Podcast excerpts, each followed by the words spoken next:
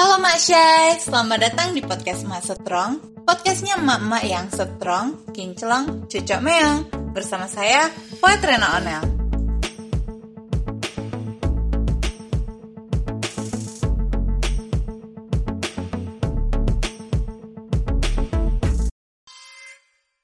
Sebelumnya kami rekomendasikan kepada Mak Syai untuk menggunakan headset saat mendengarkan podcast ini. Enjoy Mak Syai!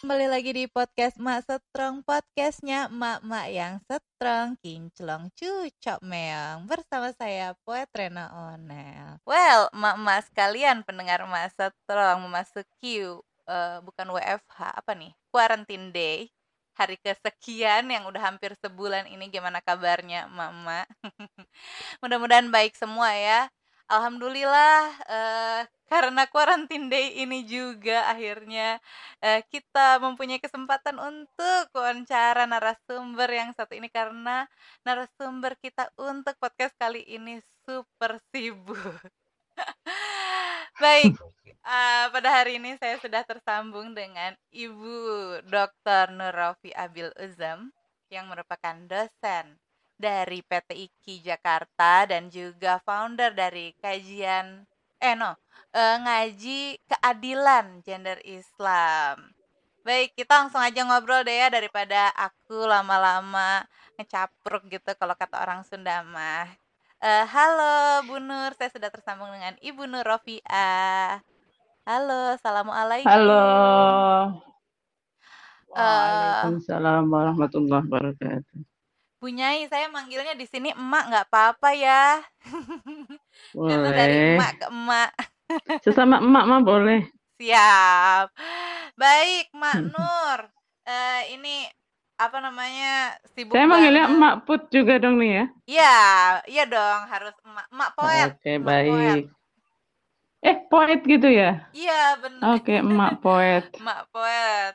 Baik, Mak Nur mungkin eh, bisa memperkenalkan diri dulu supaya pendengar Mak Setrong pada kenal dulu nih sama Mak Nur. Oke, saya Nur Rafia, emak dari dua anak, Wih, satu laki-laki, eh, kelas masuk kelas tiga man ya, wow. satu lagi perempuan, Mhm. eh, mau masuk tingkat aliyah, jadi kelas tiga sanawiyah. Oke. Sesama emak. Sesama emak. Dan ini, emaknya siapa aja yang mau jadi anaknya. Oh gitu. Iya banyak banget nih anaknya Bu Nur. Baik. Lalu aktivitasnya apa nih, eh Mak sel- selama ini? Mungkin bisa diceritakan dulu. Selama ini ngajar-ngajar aja ya, ngajar sebagai dosen di eh, kalau statusnya tuh dosen UIN Syarif Hidayatullah Jakarta, Mhm. diperbantukan di Perguruan Tinggi Ilmu Al-Quran. Jadi dosen tetap di Oh. program pasca sarjana, eh, tapi ngajar juga di IAT, Apa itu S1 ya. IAT? Eh, IAT itu ilmu Al-Quran eh, dan Oke. tafsir.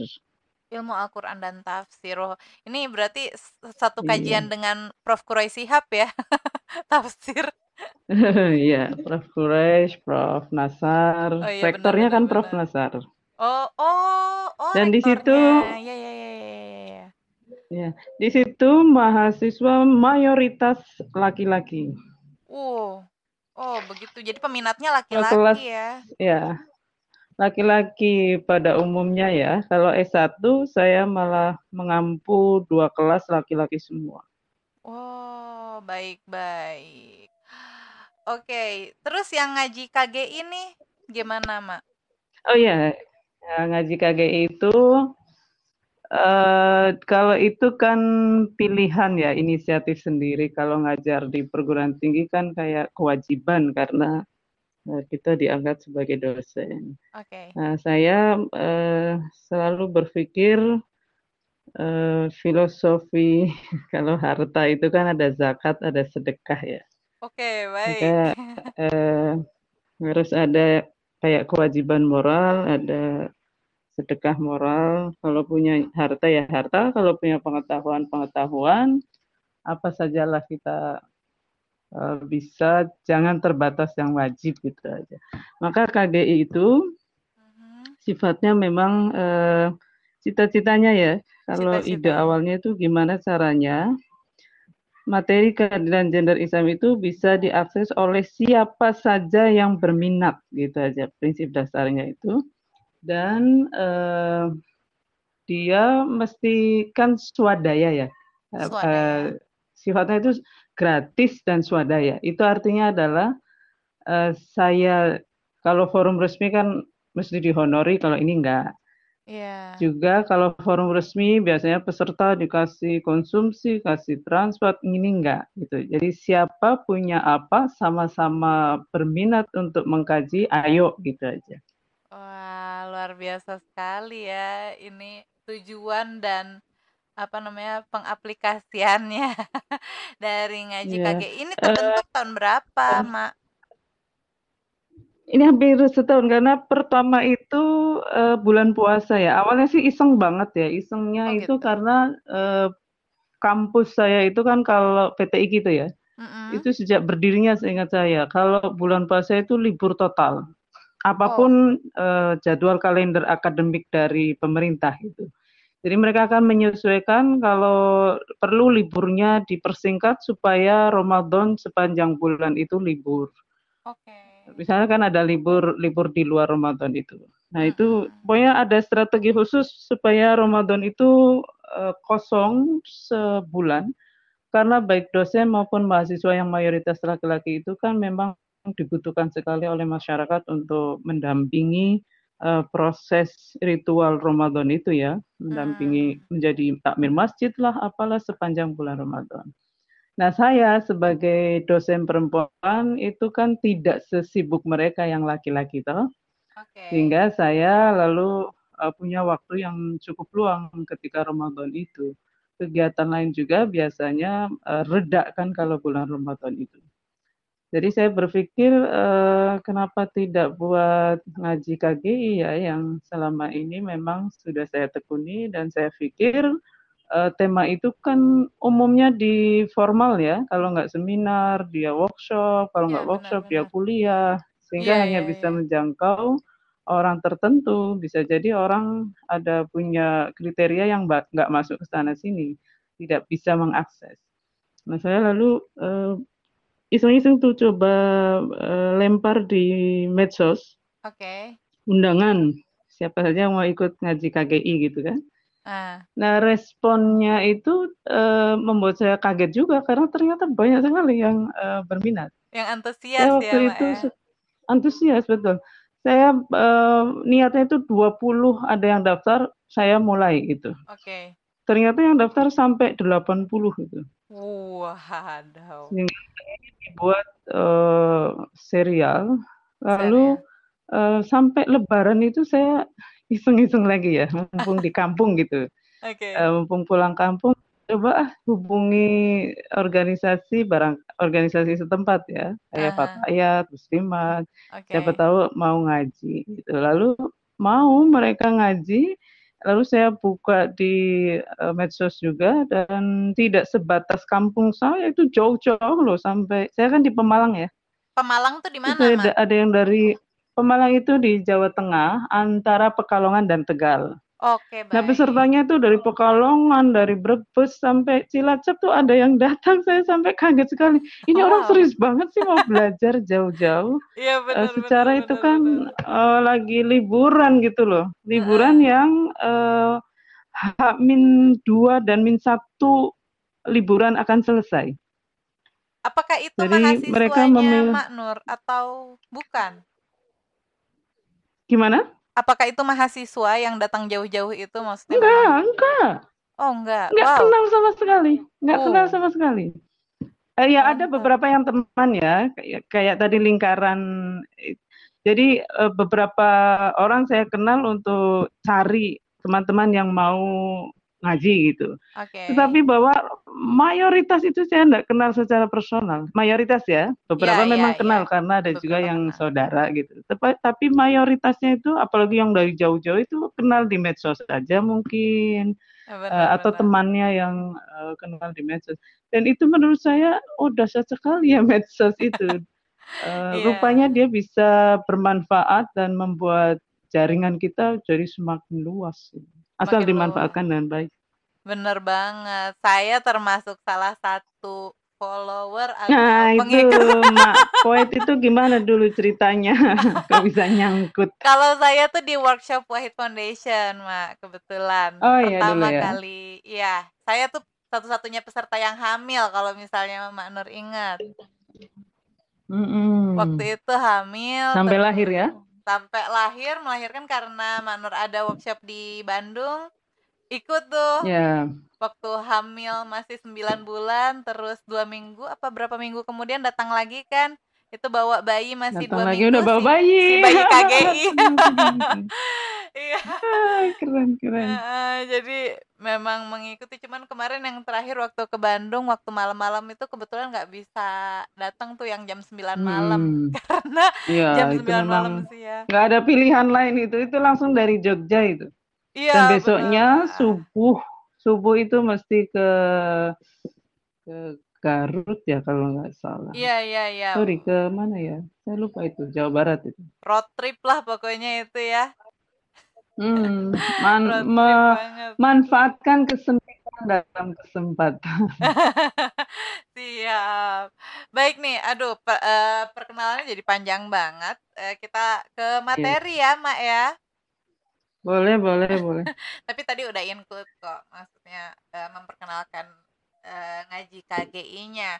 Nah, kita kan, uh, pembahasannya adalah pemberdayaan perempuan dengan ngaji KGI. Nah, mungkin supaya Mak-mak aware dulu nih, sebenarnya pemberdayaan perempuan secara umum itu apa sih, Mak? Terus, uh, apa yang diberdayakan, uh, dengan yeah. apa namanya, maksudnya langkah apa yang diambil yang bisa kita petik dari ngaji KG untuk memberdayakan perempuan? Monggo, Mak. Ya. Gimana nih?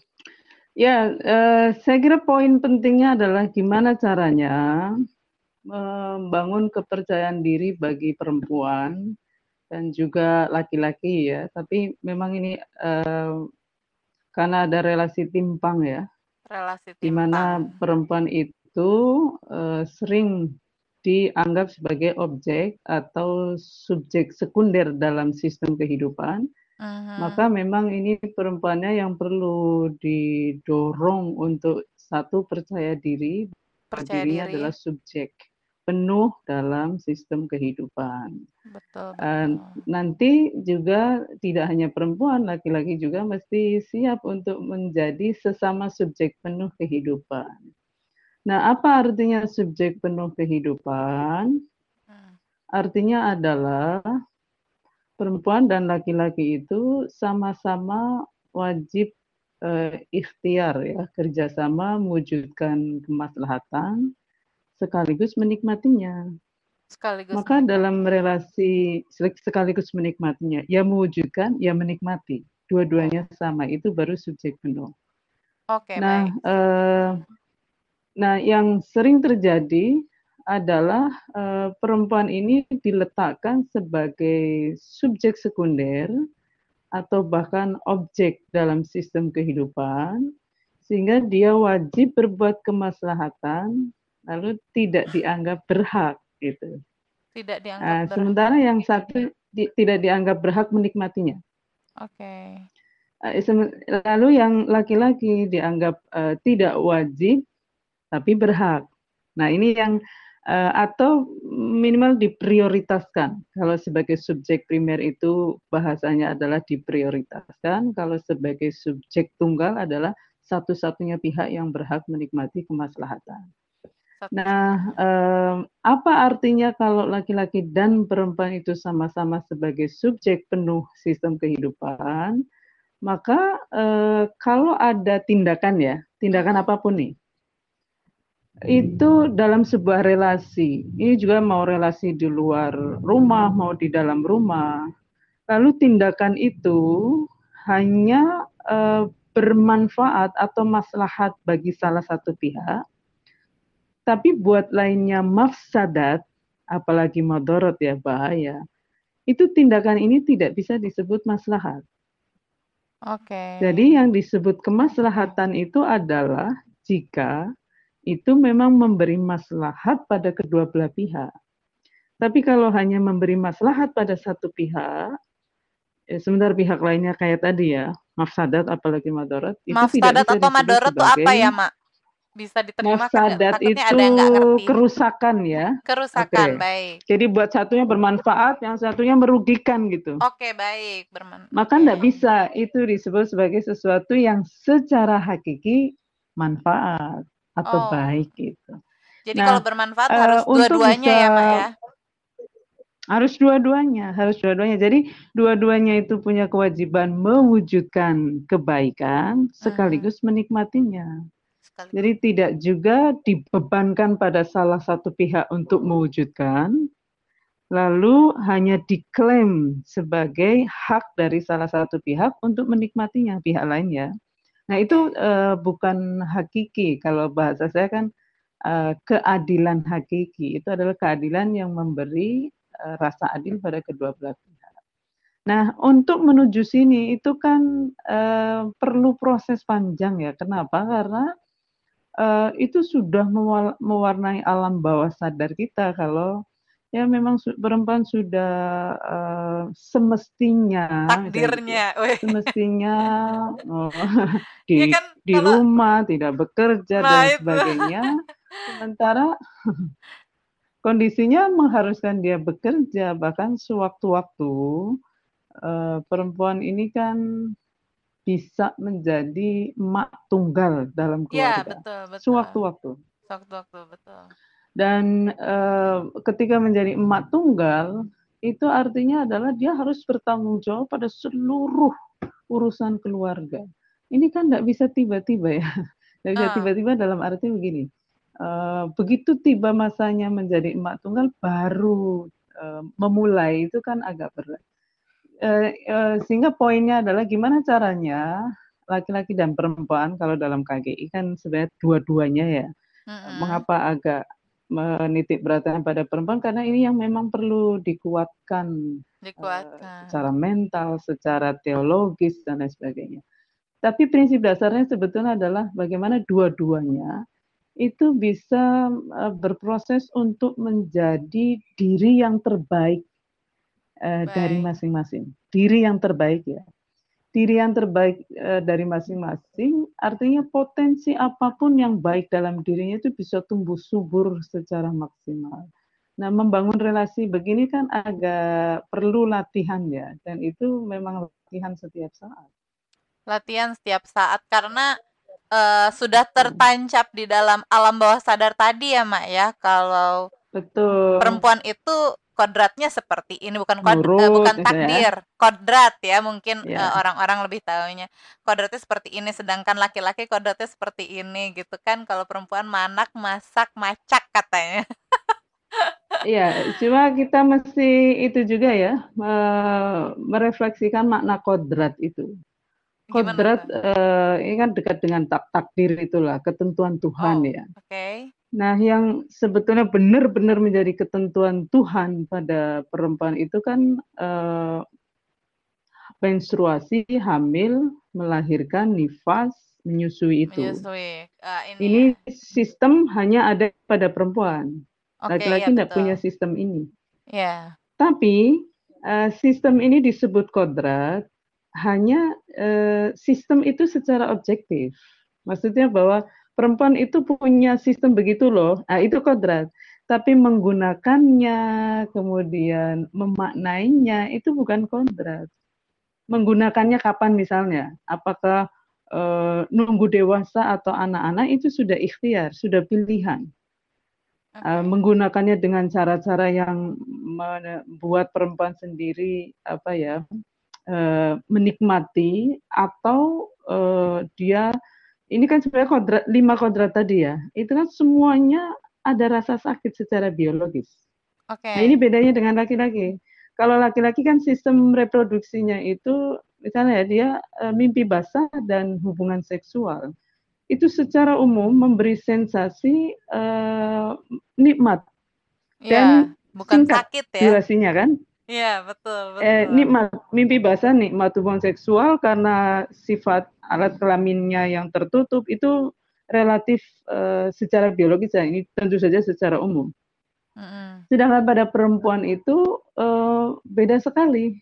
Tadi ya uh, menitan dan nikmat. Kalau perempuan coba menstruasi mingguan kan, bisa yeah. seminggu, dua minggu, dan ada rasa sakit. Yeah, uh, hamil bulanan sudah Wah, ada rasa sakit, sakit banget. Sakit punggung. Ya, melahirkan ya, melahirkan. Wah, luar biasa. Mungkin jam-jaman, mungkin harian, ada rasa sakit. Betul. Kemudian nifas, ada mingguan, bulanan, mungkin harian juga, ada juga rasa sakit. Menyusui, bahkan tahunan kan? Ya, dua tahun dua itu tahun. bisa juga ada sensasi biologis yang sakit. Maka dalam perspektif uh, keadilan hakiki, ini lima pengalaman biologis perempuan sudah sakit dari sananya. Sudah sakit Maka yang disebut benar. sebagai kemaslahatan, keadilan, kebijakan, kearifan yang hakiki uh-huh. itu tidak boleh nambah rasa sakit ini. Gimana dong sakit kok ditambahi rasa sakitnya pasti tidak adil, tidak bijak, tidak arif, tidak maslahat. Maka eh, kalau sesuatu disebut adil, kebijakan ya negara, kebijakan negara disebut bijak, disebut kearif, misal disebut arif, kearifan lokal, sosial, masyarakat. Itu hanya kalau eh, ini rasa sakit tidak makin sakit. Rasa sakit sebisa mungkin di, ya berkurang sakitnya ketika menstruasi mungkin karena ada penyikapan tadi ya misalnya ada cuti, nah itu salah satu cara kan ada cuti hamil, betul, itu saya mengurangi rasa sakit. Ya itu baru kita sebut sebagai keadilan hakiki kalau lima pengalaman biologis perempuan itu makin tidak sakit, makin mudah dijalani. Tapi kalau sebaliknya itu pasti bukan adil. Kalaupun mau dipaksa disebut adil, ya itu keadilan formal saja, tidak hakiki. Tidak hakiki. Juga eh, ini poin penting dalam ngaji KGI adalah lima pengalaman sosial perempuan itu, Ma. Oke, apa itu? Apa Ma? itu? eh, apa itu? Yeah. kalau tadi kan karena sistem reproduksi ya, kalau yeah. ini sistem sosial, sosial yang disebut hmm. patriarki itu, di mana perempuan eh, sangat lebih rentan, laki-laki bukannya tidak rentan, rentan juga, tapi okay. perempuan eh, lebih rentan mengalami stigmatisasi, marginalisasi, subordinasi, kekerasan dan beban ganda hanya karena menjadi perempuan gitu. Kan tidak adil, wong menjadi perempuan bukan pilihannya, kok keberadaannya sebagai perempuan menyebabkan dia diperlakukan seperti itu. Betul. Ini yang disebut ketidakadilan gender kan ini, ketidakadilan yeah, yeah. berbasis uh, gender. Nah, karena ini tidak adil, maka yang disebut kemaslahatan hakiki juga tidak boleh mengandung satu pun dari lima ini. Lima Jadi ini. Eh, dari lima ini ya, kalau tadi perbedaan biologis ini kan turunan dari perbedaan jenis kelamin. Oke. Okay. Kalau eh, lima pengalaman sosial perempuan turunan dari gender kan, perbedaan gender. Maka eh, prinsip dasar dari keadilan hakiki bagi perempuan adalah tidak eh, menyebabkan lima pengalaman biologis makin sakit, makin repot, makin eh, susah dijalani, hmm. eh, dan dan ya tidak mengandung satupun eh, ketidakadilan gender atau lima pengalaman sosial perempuan itu. Lima Baru itu disebut sebagai keadilan hakiki. Hakiki.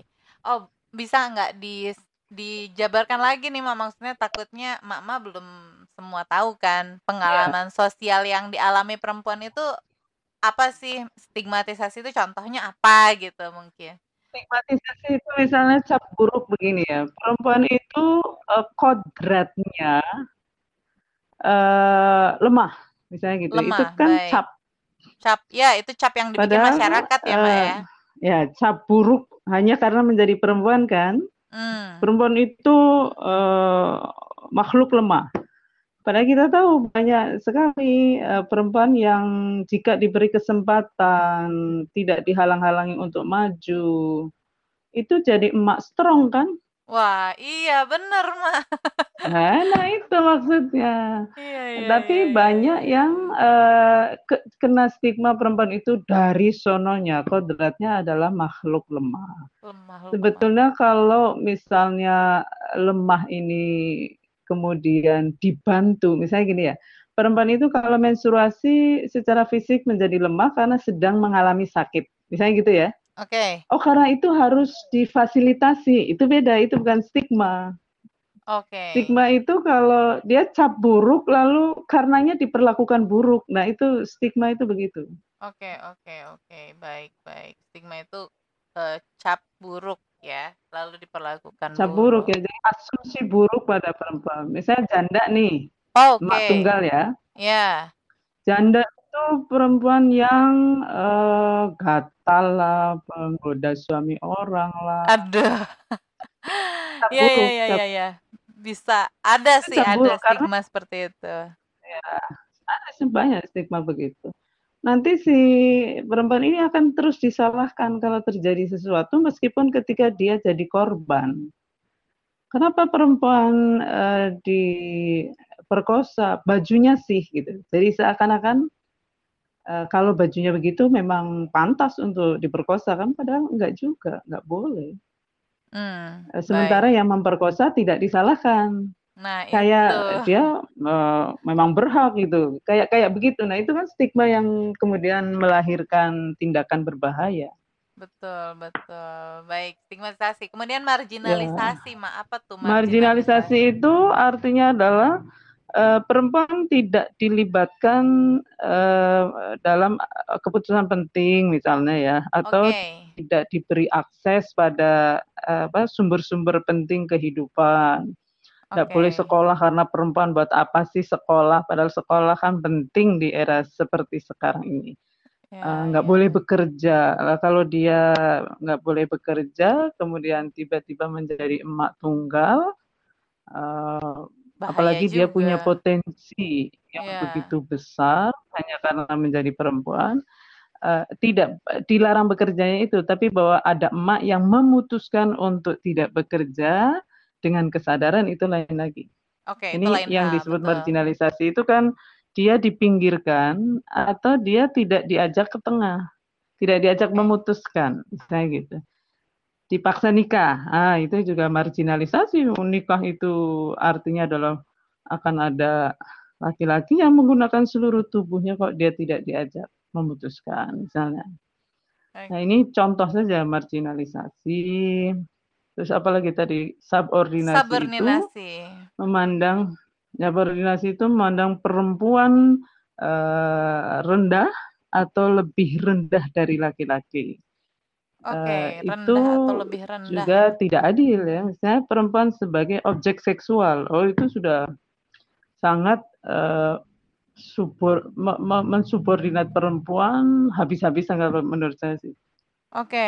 Misalnya gini ya, di dalam Islam itu kan laki-laki dan perempuan itu adalah makhluk, eee, intelektual, spiritual, dan fisik misalnya gitu ya. Oke. Tapi kok, eee, kalau misalnya, eee, dianggap sebagai objek seksual, itu berarti hanya makhluk fisik. Turun kan, Oh, iya intelektualitasnya nggak dinilai, eee, spiritualitasnya tidak dianggap. Eee, lalu turun lagi, eee, sebagai makhluk seksual, karena fisik itu kan macam-macam. Nah, ini hanya makhluk seksual. Eee, turun lagi sebagai objek seksual, itu, eee, menurunkan berkali-kali nilai perempuan. Nah, su subordinasi itu, eee, terjadi kalau dalam kekerasan berbasis gender ya, hanya karena dia perempuan maka dia dianggap sebagai objek seksual. Itu contoh subordinasi yang luar biasa. Nah, eee, subordinasi juga bisa terjadi pada laki-laki. Misalnya laki-laki hanya dianggap sebagai makhluk ekonomi, itu juga sebetulnya subordinasi. Ada uang abang disayang, Ah. nggak ada uang abang ditendang, misalnya gitu. Oh, jadi yang pada menjadi perempuan korban itu nggak cuman perempuan sebenarnya, Mak, ya? Iya Laki-laki iya, juga. cuma pada iya banget banget, tapi, eee, perempuan sangat lebih riskan. Perempuan Karena lebih tadi ya, riskan, ya ya sistemnya, ya ya. eee, tidak adil, eee, di mana perempuan diletakkan dalam posisi yang lebih rendah. Sebenarnya kan gini, uh, sistem patriarki itu uh, berbahaya bagi semua pihak karena apa? Karena dalam sistem patriarki itu ada ideologi siapa yang kuat boleh sewenang-wenang pada yang lemah. Oke. Okay. Itu ideologi yang berbahaya sekali, tidak hanya bagi perempuan tapi juga bagi laki-laki. Hmm. Dalam ideologi patriarki, laki-laki itu harus kuat, harus lebih kuat dari perempuan. Begitu tidak kuat, misalnya secara ekonomi ya, eh, biasanya kan dilihat kuat tidaknya itu secara ekonomi. Begitu secara ekonomi tidak kuat, lalu seperti dianggap tidak bernilai sebagai laki-laki. Nah itu berbahaya kan? Iya iya benar. Ya perempuannya eh, perempuannya lebih dinilai sebagai makhluk seksual dalam hal ini objek ya. Itu juga berbahaya. Maka sebetulnya eh, cara pandang yang sangat fisik ini pada manusia baik laki-laki maupun perempuan itu kan yang diubah oleh Islam bagaimana manusia itu mesti berinteraksi jangan sebatas makhluk fisik. Nanti nggak ada bedanya dengan uh, pejantan dan betina ya. Nanti hanya itu. Maka di, diminta untuk berinteraksi sebagai makhluk intelektual dan spiritual. Sehingga pergaulannya itu mencerdaskan dan uh, menajamkan spiritualitas ini memang tantangan eh, gimana caranya membangun atmosfer ya, membangun cara pandang, membangun sistem sosial untuk bisa bergaul secara sebagai makhluk uh, fisik tapi juga intelektual dan spiritual atau makhluk ruhani. Oke, makhluk nah, rohani. KGI itu sebenarnya arahnya arahnya ke sana. Arah jauhnya. Arah jauhnya. Oke, baik. Berarti uh, KG eh, ini nggak cuma bisa memberdayakan perempuan sebenarnya mak ya. Nggak nggak cuma memberdayakan emak-emak aja atau perempuan-perempuan aja tapi itu target ya itu target antara ya. Target antara. Target antaranya emak-emaknya kuat lalu uh, laki-lakinya kuat lalu dua-duanya menggunakan kekuatan uh, mengelola bersama secara sinergis uh, untuk kemaslahatan seluasnya, untuk kebaikan uh, sistem kehidupan seluasnya. Sebagaimana mandat laki-laki dan perempuan dalam Islam itu kan sebagai manusia, dia punya mandat untuk atau apa punya amanah sebagai khalifah fil dengan mandat mewujudkan kemaslahatan seluas-luasnya. Seluas-luasnya. Jadi gimana caranya? Seluas-luasnya tidak hanya di rumah tapi juga di luar rumah tidak hanya di luar rumah tapi juga di dalam rumah gitu. Oke, baik. Nah, kemudian nih, uh, sepenting apa uh, ngaji KGI? ngaji KGI perlu diketahui oleh audiens-audiens lebih luas gitu sehingga bisa memberdayakan satu sama lain, Mak. Uh, kalau menurut saya sih uh, keadilan gender Islam itu bukan hanya soal uh, topik ya, tapi juga soal perspektif. Perspektif itu pandangan dunia. Uh, diman, jadi satu sebagai tema tentu saja penting melihat uh, keadilan gender Islam itu sebagai tema kita bahas tetapi yang uh, lebih penting lagi dari KG itu adalah sebagai lensa atau perspektif untuk melihat dunia. Jadi sesuatu tidak hanya melihat memahami ajaran agama tapi juga memahami realitas. Bagaimana sesuatu yang disebut baik, adil, bijak itu mesti mempertimbangkan uh, pengalaman biologis uh, perempuan dan juga pengalaman sosialnya. Mesti dipertimbangkan gitu. Hmm. Itu kan perspektif. Kalau sebagai perspektif dia ter tidak terbatas pada isu gender, isu apa pun mesti menggunakan analisis ini. Misalnya uh, melihat ini ya uh, pepatah atau kearifan lokal misalnya gini, uh, perempuan itu uh, surga nunut neraka katut misalnya gitu ya. Wah, apa tuh? uh, sur uh, oh ya ini Jawa ya. Perempuan itu ke ke surga ikut ke neraka ke bawah gitu. Okay. Ini ada ada pembicaraan seperti ini. Ada apa ya pepatah lah oh. nilai sosial. Nilai. Nah kalau uh, dalam perspektif keadilan hakiki kita akan melihat bahwa uh, nilai yang sedang dibangun oleh pepatah ini kan kesetiaan, ya hmm. kesetiaan. Artinya adalah uh, mesti setia dalam keadaan bahagia, mesti setia dalam keadaan uh, menderita. Nah, yang perlu setia itu siapa? Kan dua-duanya. Hmm, hmm benar, ya kan? Benar, benar. Sehingga tidak hanya emak-emak yang perlu surga nunut rokok katut, ya babai-babai juga, bapak-bapak juga mesti begitu dalam arti setia. Kalau uh, kalau diartikan literal bahaya, ke neraka, neraka beneran ya jangan ikut.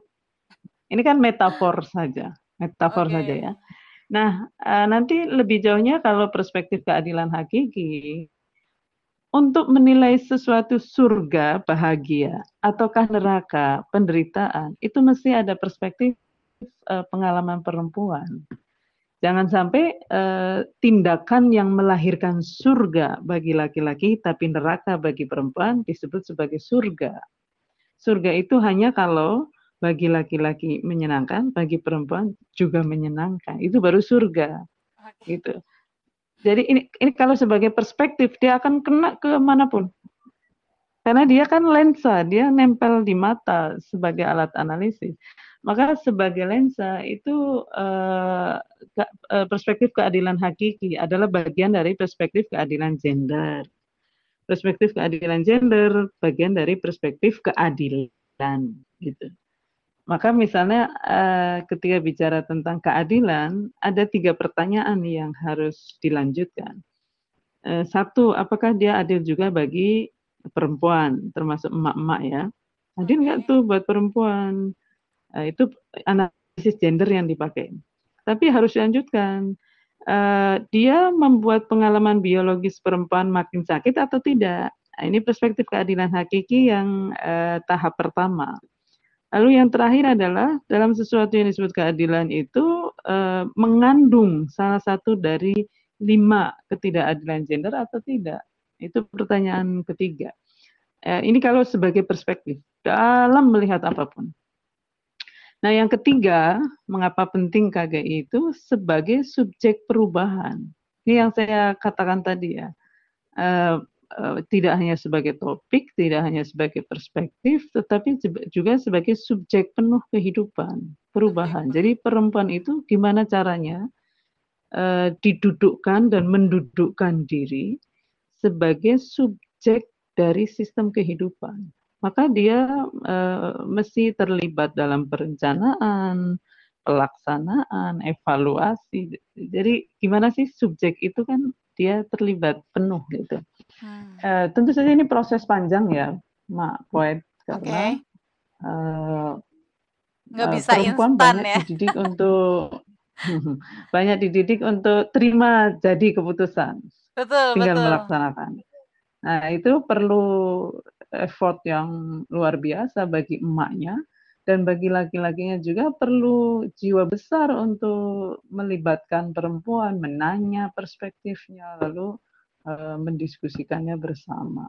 Jadi didengar, mendengar itu juga sesuatu keterampilan yang perlu dilatihkan. Baik. Itu sih uh, urgensinya ya kalau urgensi uh, mengapa dari... penting untuk diketahui. Nah, oke. Okay. Tadi urgensi udah. Uh, sekarang uh, bagaimana nih cara emak-emak? Karena kalau misalnya pendengar podcast emak setrong kan mostly emak-emak ya ya walaupun ada juga sih yang bukan emak-emak yeah. yang dengerin kalau kalau bapak-bapaknya mau dengar monggo gitu kan. Nah uh, banyak kok mbak. Eh mak apa? Banyak juga bapak-bapak yang yang terlibat dalam ngaji KGI Oh iya, wow mantap banget. Iya sih kemarin waktu ikutan ngaji KGI ada laki-lakinya juga sih waktu di Bandung.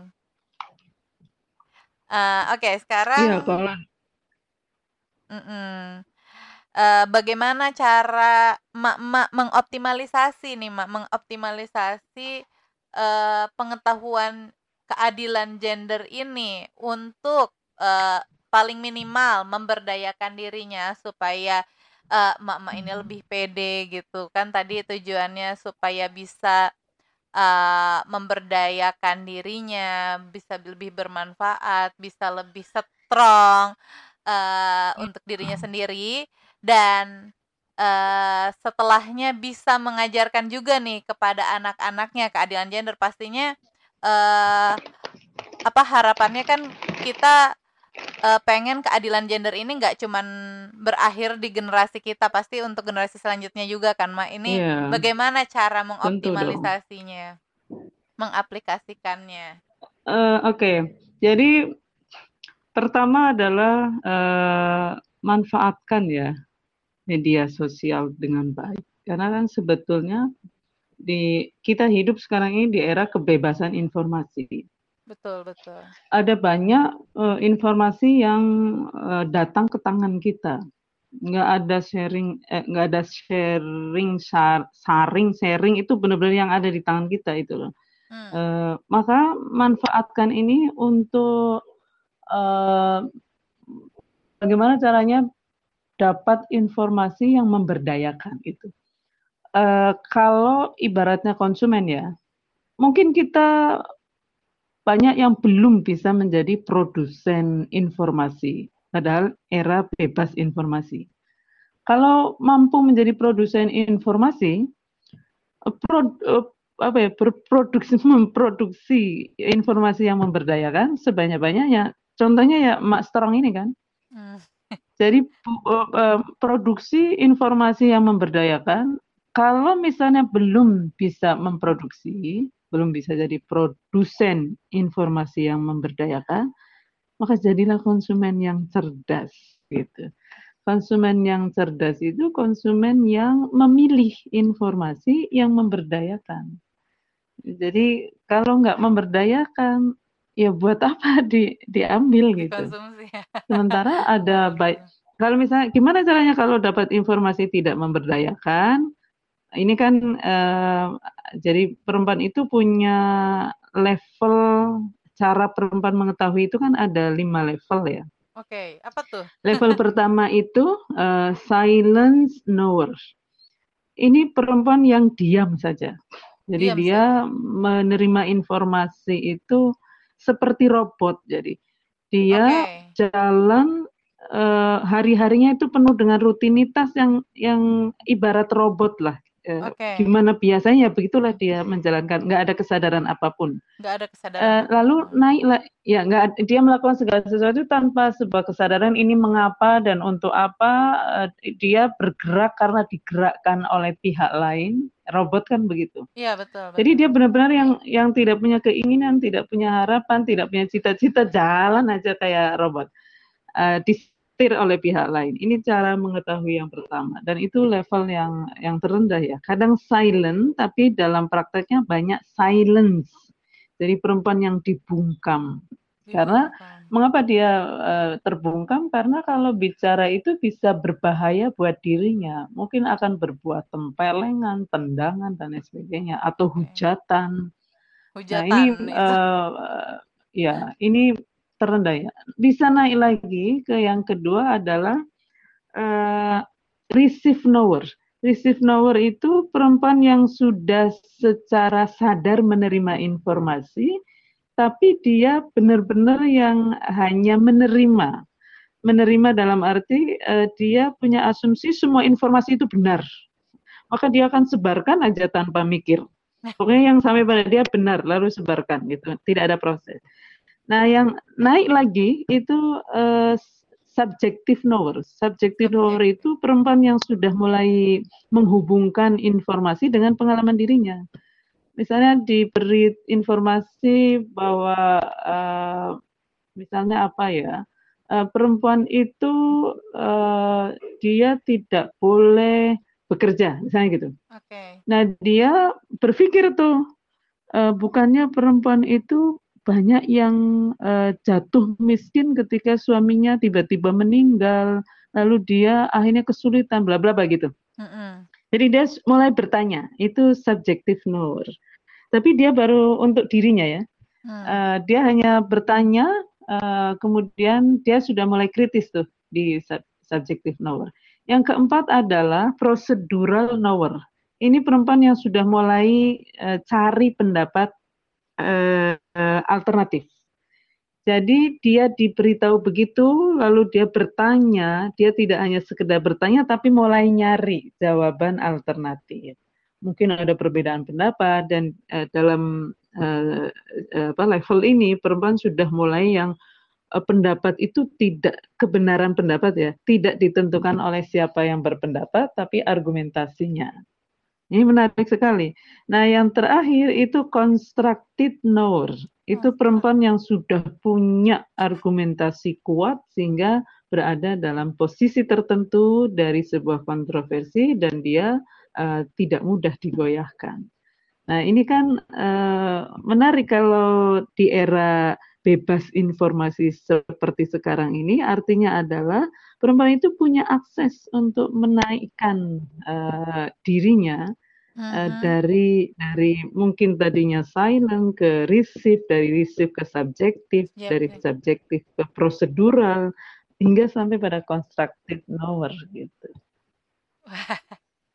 baik baik. Jadi uh, bagaimana kita mengoptimalisasi kita harus bisa menjadi penerima informasi yang bermanfaat ya, Mak ya. Kurang lebih begitu ya. Minimal begitu ya.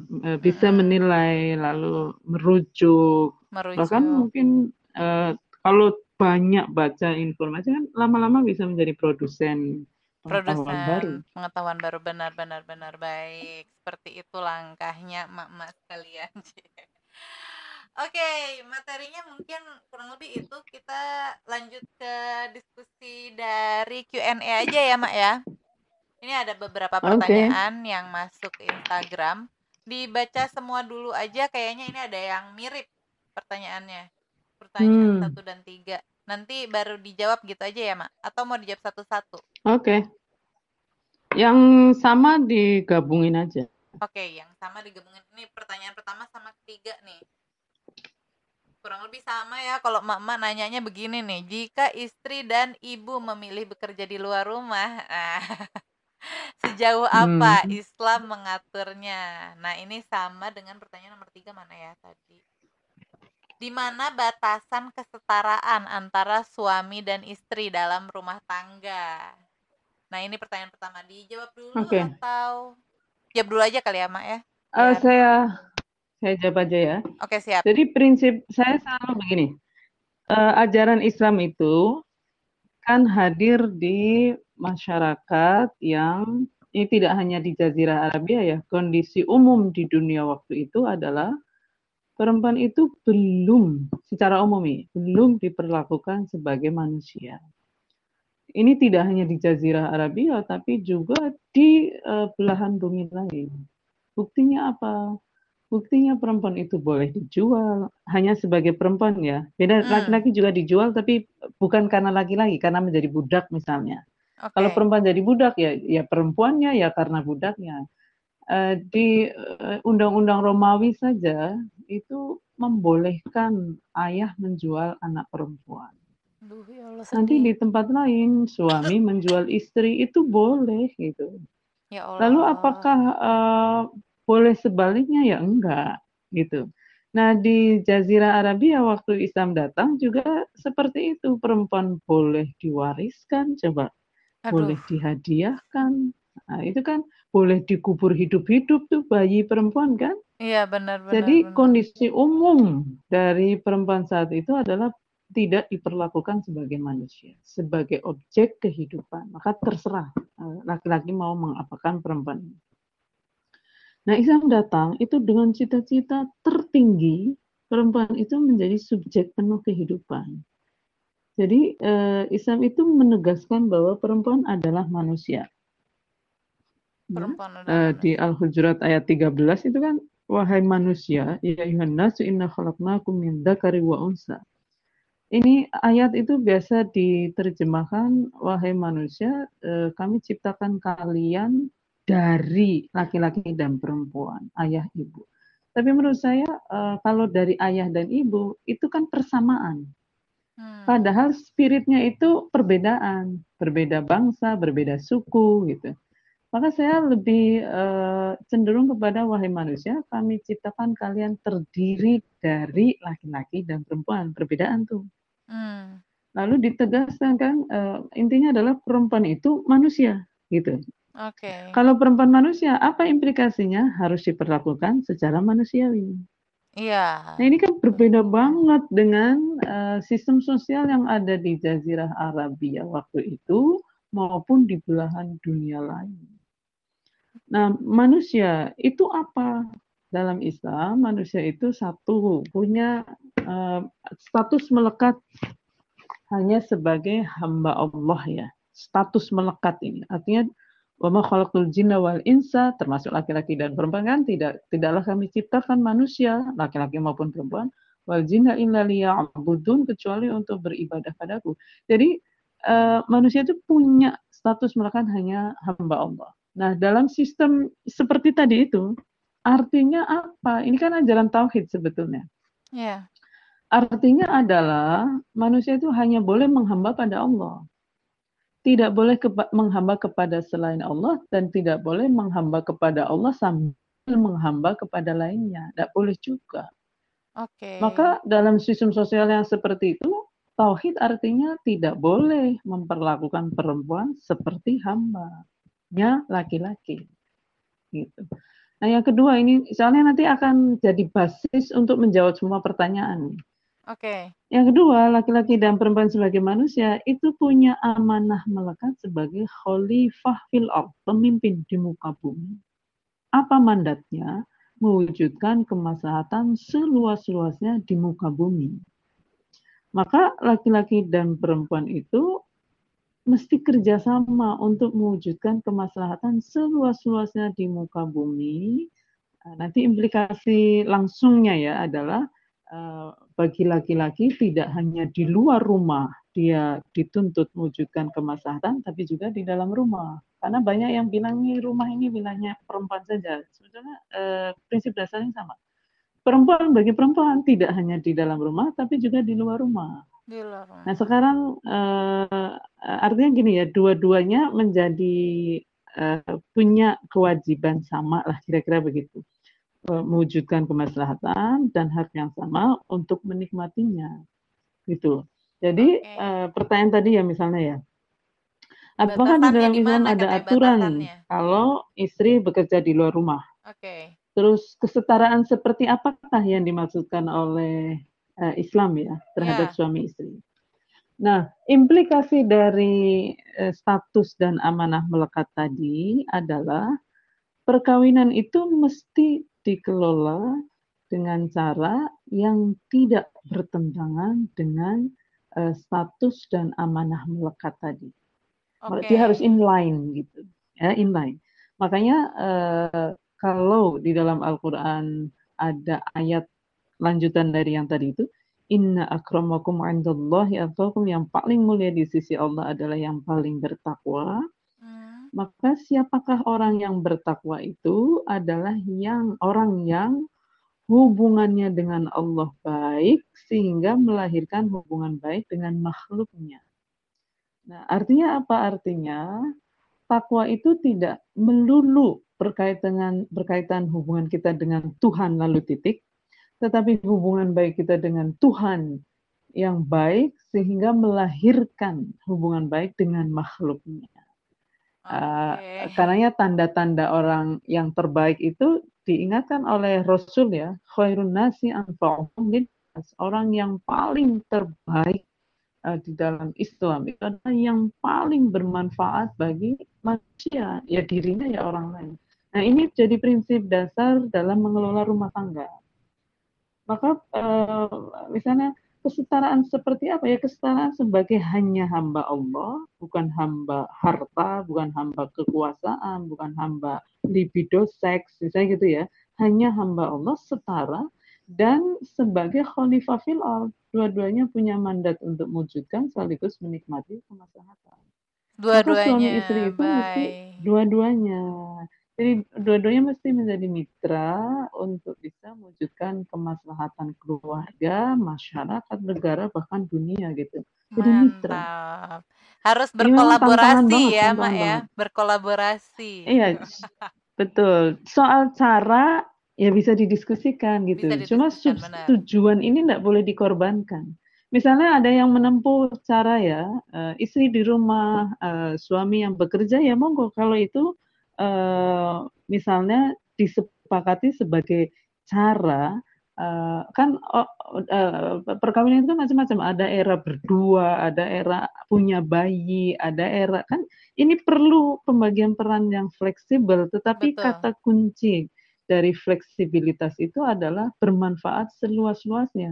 Artinya jangan bermanfaat di luar lalu melahirkan kerusakan di dalam rumah juga gitu. Oke, baik. Makanya ini harus harus dipertimbangkan. Ya. Sehingga ketika istri misalnya bekerja di luar rumah ya, hmm. itu kan ada pesan gini. Ini pesan menarik nih. Uh, uh, perempuan yang bekerja di luar rumah tidak boleh lupa kodratnya uh, sebagai istri dan ibu di dalam rumah ya. Pernah dengar iya. nggak gitu? Sering. ya, emak-emak yang kerja, ah, oke. Okay. Yeah. Emak-emak yang kerja di rumah, uh, luar, kalau di dalam rumah tidak boleh lupa kodratnya. Nah, itu benar, tapi tidak lengkap. Tidak lengkap. Bapak-bapak yang kerja juga di luar rumah tidak boleh lupa kodratnya sebagai, sebagai ayah, suami dan bapak, iya, ayah iya, gitu. Dan tidak hanya di rumah ya, menurut saya tidak hanya di rumah. Ketika di luar pun tidak boleh lupa. Jadi eh, sehingga itu bisa dinaikkan eh, kalimatnya menjadi general eh, siapa pun ya. Jadi gini, bapak maupun ibu, suami maupun istri berada di mana pun, bekerja di mana pun, tidak boleh lupa kodratnya sebagai kodrat mungkin kewajiban ya, kewajibannya sebagai suami atau istri dan sebagai ayah atau ibu, di mana pun okay. berada, nggak boleh lupa gitu. Bye. Maka uh, mungkin perlu per, uh, ini mungkin tantangan yang agak spesifik dari istri bekerja di luar rumah adalah uh, bagaimana memastikan di dalam rumah itu uh, tidak kemudian berantakan kan begitu. Uh. Nah ini mesti dibicarakan bersama, mesti dibicarakan bersama. Poinnya adalah musyawarah itu. Musyawarah. Jadi musyawarahkan, musyawarahkan keputusan uh, uh, apa yang mesti diambil. Tentu saja dalam musyawarah ini ada perspektif istri, ada perspektif suami, ada perspektif keluarga.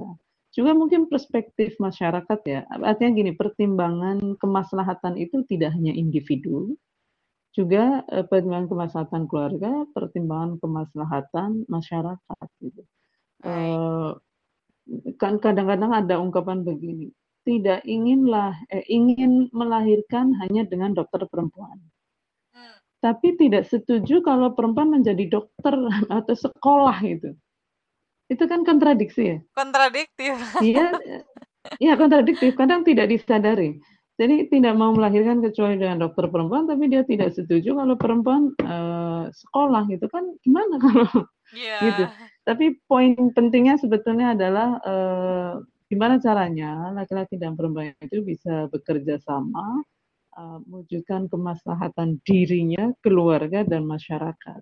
Okay. Uh, sehingga uh, peran itu uh, menurut saya ya uh, mestinya fleksibel, itu fleksibel tapi uh, yang tidak boleh dikorbankan itu adalah uh, kemaslahatan semua pihak itu. Dan kata kuncinya memang pihak, komunikasi akhirnya. Suami atau istri ataupun anak bahkan ya mak ya uh, betul, tidak boleh betul, dikorbankan. Oke, okay, baik. Jadi ini. jangan. Hmm. Siap. Oke. Okay. Oke, okay. pertanyaan kedua, Mak. Bagaimana tanggapan okay. Ibu tentang Omnibus Law yang meniadakan cuti haid dan lain-lain. Gimana nih, Mbak? Ini tadi kan uh, berhubungan dengan kalau, pengalaman biologis hmm, ya. Benar. Jadi uh, saya kira begini, kalau Omnibus Law kan belum uh, disahkan ya, masih dibahas. Belum final, ya, iya betul. Uh, kalau saya sih secara umum begini, mau ada aturannya atau tidak, itu semua orang mesti memberi perhatian khusus pada perempuan yang sedang mengalami menstruasi, hamil, melahirkan, nifas, dan menyusui. Mesti beri perhatian khusus, mau ada undang-undangnya maupun tidak. Gitu. Tapi ada undang-undangnya tentu jauh lebih baik, jauh lebih baik ya. Juga cuti itu uh, bisa begini kayak kayak hamil, mungkin uh, itu kan ada cuti tiga bulan kalau tidak saya. Ya, tiga betul. bulan. Tiga bulan. Bagi hamil dan melahirkan. Nah, tiga bulan itu, ini saya kadang-kadang malu ya, malu sama negara lain yang bahkan bisa memberi cuti pada suami gitu, supaya bisa mendukung istrinya. Itu Tapi banget. menurut saya poin pentingnya adalah poin pentingnya adalah memberi perhatian khusus di mana pun. Kalau Baik. negara ya tentu saja jaminan uh, jaminan hukum itu menjadi payung hukum kan menjadi penting karena itu akan menjadi acuan bersama. Ya, Uh, tetapi yang tidak kalah penting itu adalah membangun tradisinya. membangun tradisi. Itu kan uh, pendekatan legal ya, legal Mm-mm. struktural lah. Nah, ini pendekatan budaya, kultural itu juga penting. Contoh yang uh, sangat sederhana adalah misalnya siswa ya. Mm-mm. Siswa uh, siswi misalnya si, uh, siswa perempuan ini kan mengalami mens, laki-laki tidak. Maka guru guru dan pihak sekolah mesti sensitif. Uh, Oke. Gimana cara sensitif? Misalnya pengelola pengelola kantin sekolah ya, apa sih istilahnya itu koperasi atau apa? Itu uh, kalaupun nggak ada ya gimana caranya ketika siswi itu tiba-tiba berhalangan, itu akses untuk dapat membalut gampang gitu. Entahlah Iya. gimana caranya masih dipikirkan. Uh, sehingga ini yang disebut perhatian khusus ya. Sehingga misalnya uh, yuk kita berharap omnibus law itu tidak menghapuskan aturan yang sudah memberi perhatian khusus. Tetapi eh, tidak kalah pentingnya juga ini tradisi masyarakat itu. Ya sekolah, ya pesantren, perkantoran misalnya. Perkantoran itu kalau memang punya perhatian khusus, dia akan setidaknya menyediakan pembalut yang bisa diakses oleh karyawan perempuan sewaktu-waktu. Itu contoh perhatian khusus pada uh, perempuan ya. Ketika menstruasi. Nah, ketika nifas, ketika menyusui, itu kan juga perlu perhatian khusus. Karena apa? Karena itu tuh sakit gitu. Oke.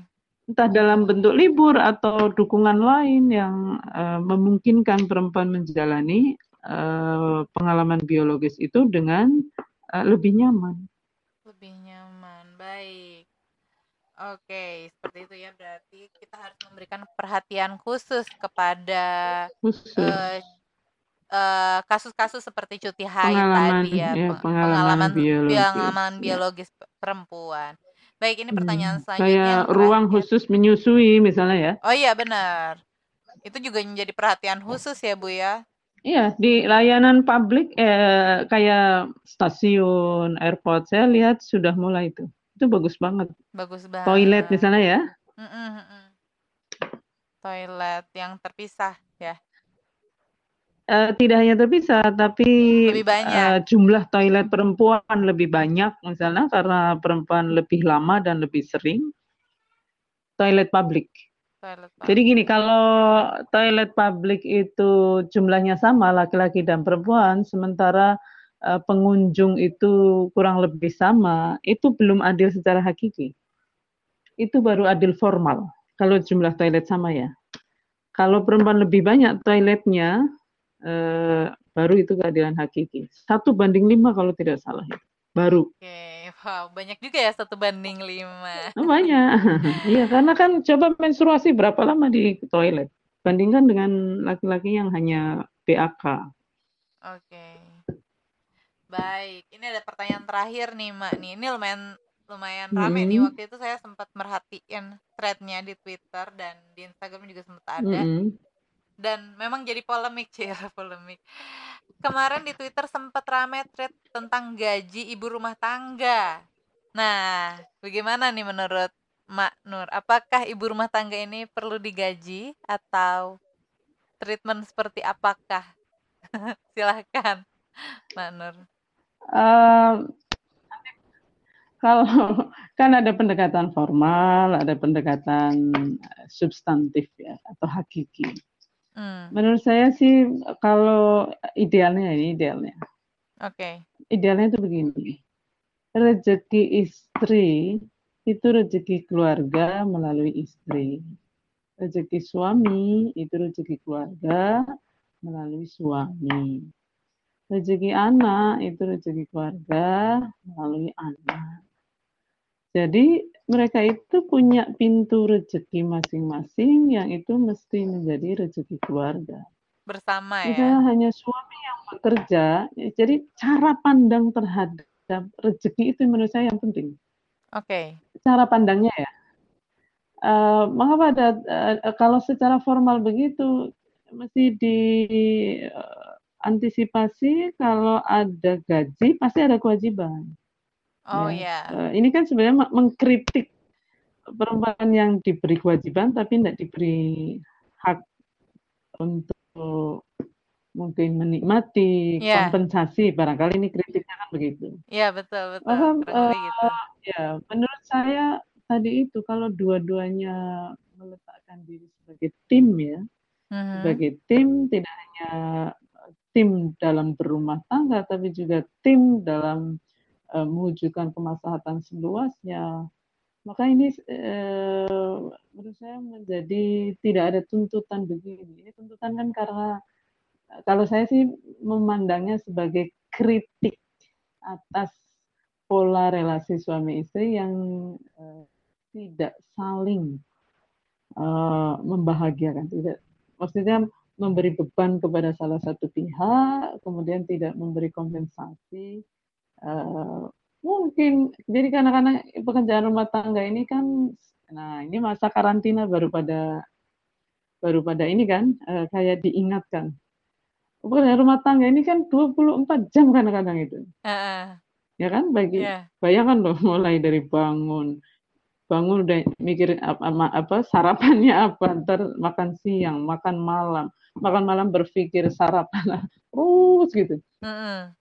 Nah, itu mestinya difahami sebagai uh, kewajiban bersama gitu. Kewajiban. Ketika dua-duanya berada di rumah ya. Mm-hmm. Beda lagi kalau salah satunya bekerja di luar, maka harus ada yang jaga gawang, kira-kira begitu. Nah, kalau dua-duanya di luar, oh berarti harus pihak ketiga yang menjaga gawang dengan baik gitu. Maka kalau itu kalau kalau saya sih eh, kalau secara formal digaji itu kan sebetulnya nafkah itu sudah kewajiban. Yeah. Nafkah, menafkahi. Dan siapa yang harus menafkahi? Ah, ini poinnya adalah begini. Uh, naf keluarga itu perlu nafkah, pasti. Mm. Nah, bagaimana memenuhi nafkah keluarga? Ayo bicarakan. Apakah laki-laki saja, misalnya karena laki-laki kesempatannya bagus, sedangkan perempuan sedang masa reproduksi aktif, yang uh, ada pilihan bagi dia untuk dijaga atau dua-duanya atau bahkan kadang banyak orang yang tidak punya pilihan. Kalau isu tadi kan asumsinya ada dua-duanya ya. Hmm. Yang satu bapaknya kerja di luar, yang perempuan di dalam rumah itu kan asumsinya. Ya, asumsinya nah, begitu. Nah, dalam kondisi seperti ini, maka si laki-laki yang punya uh, pekerjaan dan gaji itu mesti apresiasi kepada istri di dalam rumah. Dia bukan tidak bekerja loh, bahkan pekerjaannya bisa lebih berat kan begitu. Hmm. Uh, sebetulnya ini kalau kalau lihat di ajaran waris ya, perempuan kan tadinya diwariskan di okay. masyarakat uh, Jazirah Arabia. Tidak hanya di masyarakat Jazirah Arabia waktu Islam datang ya, tapi di seluruh uh, apa belahan dunia Umumnya ya begitu karena perempuan adalah benda, dia diwariskan. Lalu Islam itu uh, memberi perubahan revolusioner bahwa perempuan tidak boleh diwariskan, dia manusia. Dia manusia. Bahkan lalu dapat warisan. Nah, ini poin semangat dapat eh, perempuan dapat warisan itu adalah kan laki-laki itu menolak membagi warisan pada perempuan. Oh, tadinya diwariskan kok dapat warisan. Jahat banget. Lalu dikritik ya dikritik oleh Islam begini, uh, kalian la tadruna ayyuhum aqrabulakum naf'a gitu.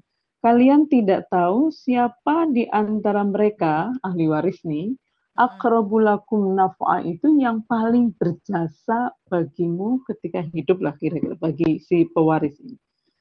Uh, sehingga saya menangkap spirit ya dari uh, pembagian waris ini bahwa perempuan yang ada di dalam rumah itu juga berjasa. Kan okay. waktu itu yang berburu laki-laki. Perempuan jaga gawang kan. Iya, betul. Jangan betul. dianggap mereka tidak berjasa lalu kalian tidak berbagi harta warisan dengan mereka. Nah, nah inilah uh, poin inilah poin menghargai uh, pekerjaan non formal Poin terutama bagi laki-laki yang dapat gaji terus istrinya tidak gitu. Jangan sebut istrinya tidak bekerja kalau dia uh, merawat uh, rumah tangga anak uh, secara terus menerus nah, maka iya. ini loh uh, kan poinnya sama tuh dengan semangat memberi gaji ya semangatnya. Iya. sering kali dipelekan memang mak hmm.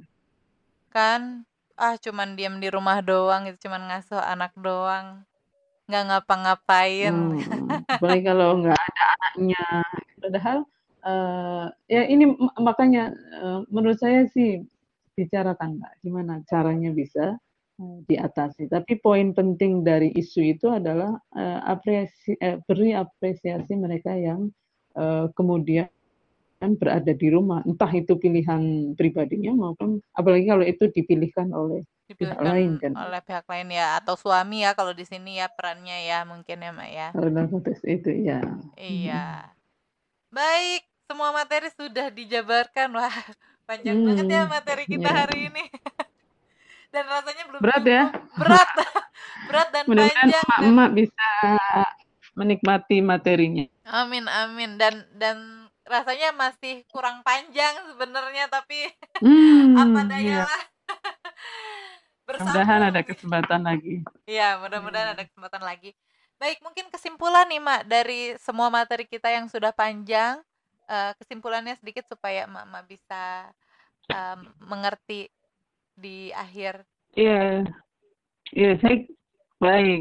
Saya kira kita masih apa ya, melatih diri ya, melatih diri sebagai emak untuk satu meletakkan diri tidak hanya sebagai makhluk fisik tetapi juga makhluk intelektual uh, menggunakan akal dalam setiap pertimbangan baik buruk juga uh, makhluk spiritual yang terus uh, gimana caranya uh, bisa bermanfaat dan itu uh, atas dasar iman kepada Tuhan. Lalu dengan uh, citra diri begini uh, bereaksi pada lingkungan. Jadi pertama kita dulu Uh, yang kedua adalah uh, saya manfaat maka saya ada gitu aja. Jadi se sebisa mungkin. Dan yang ketiga, uh, mari ikhtiar untuk menjadi diri yang terbaik. Diri jadi yang terbaik. orang lain boleh jadi teladan ya, tapi jangan jadi standar. Kalau saya prinsip begitu. Setiap orang itu unik. Uh, dengan keunikannya, gimana caranya bisa menjadi yang terbaik, dirinya yang terbaik boleh dapat inspirasi dari orang lain, tapi jaga, jangan jadikan orang lain sebagai standar diri kita yang terbaik, sebab orang lain itu punya keunikannya juga. Baik. Mungkin itu kali ya, Mak ya, Poet. Benar, benar, benar, benar. Kita harus bisa memanfaatkan diri kita, kita bermanfaat maka kita ada dan jadi jangan jadikan orang lain sebagai standar buat Betul. diri kita ya, Mak ya. Oke. Okay. Buat yang terbaik.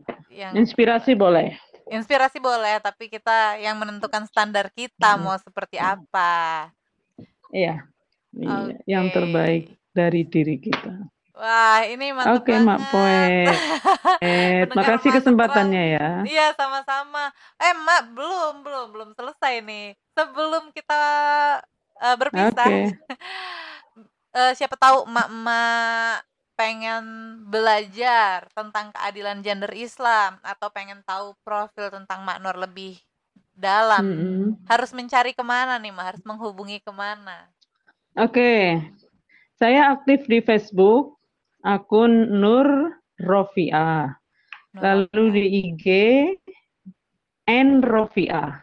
N Rofia. Lalu di Twitter, N underscore Rofia. Uh, kalau KGI itu tulis saja ngaji KGI ya di Facebook ngaji KGI. Okay. Di di apa IG juga ngaji KGI. Lalu ada WhatsApp grup sebetulnya ngaji KGI online, tapi itu harus daftar. Harus daftar ya. Bisa DM dulu ke IG atau Facebook. Lalu uh, di YouTube, YouTube itu baru Wah, kompilasi video-video yang ada Ya, ngaji KGI juga. Tapi belum produksi secara sengaja ya. Mudah-mudahan eh, ini lagi karantina menjadi waktu yang pas.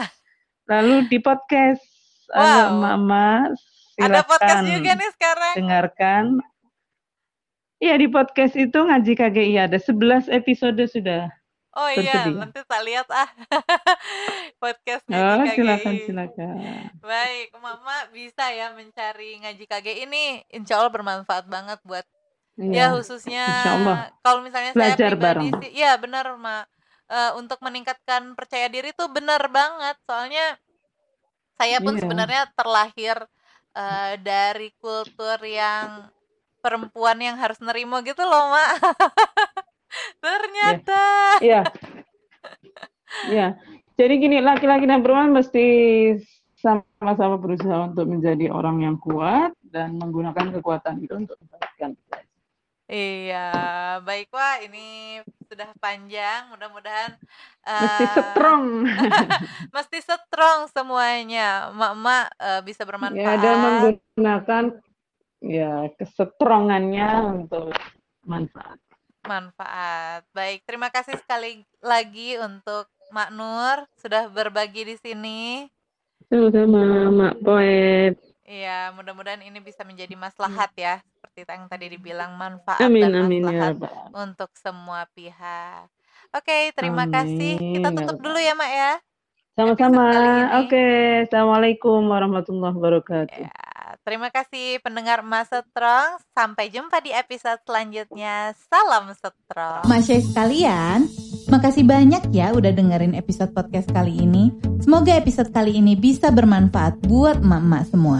Jangan lupa share ke emak-emak lain ya.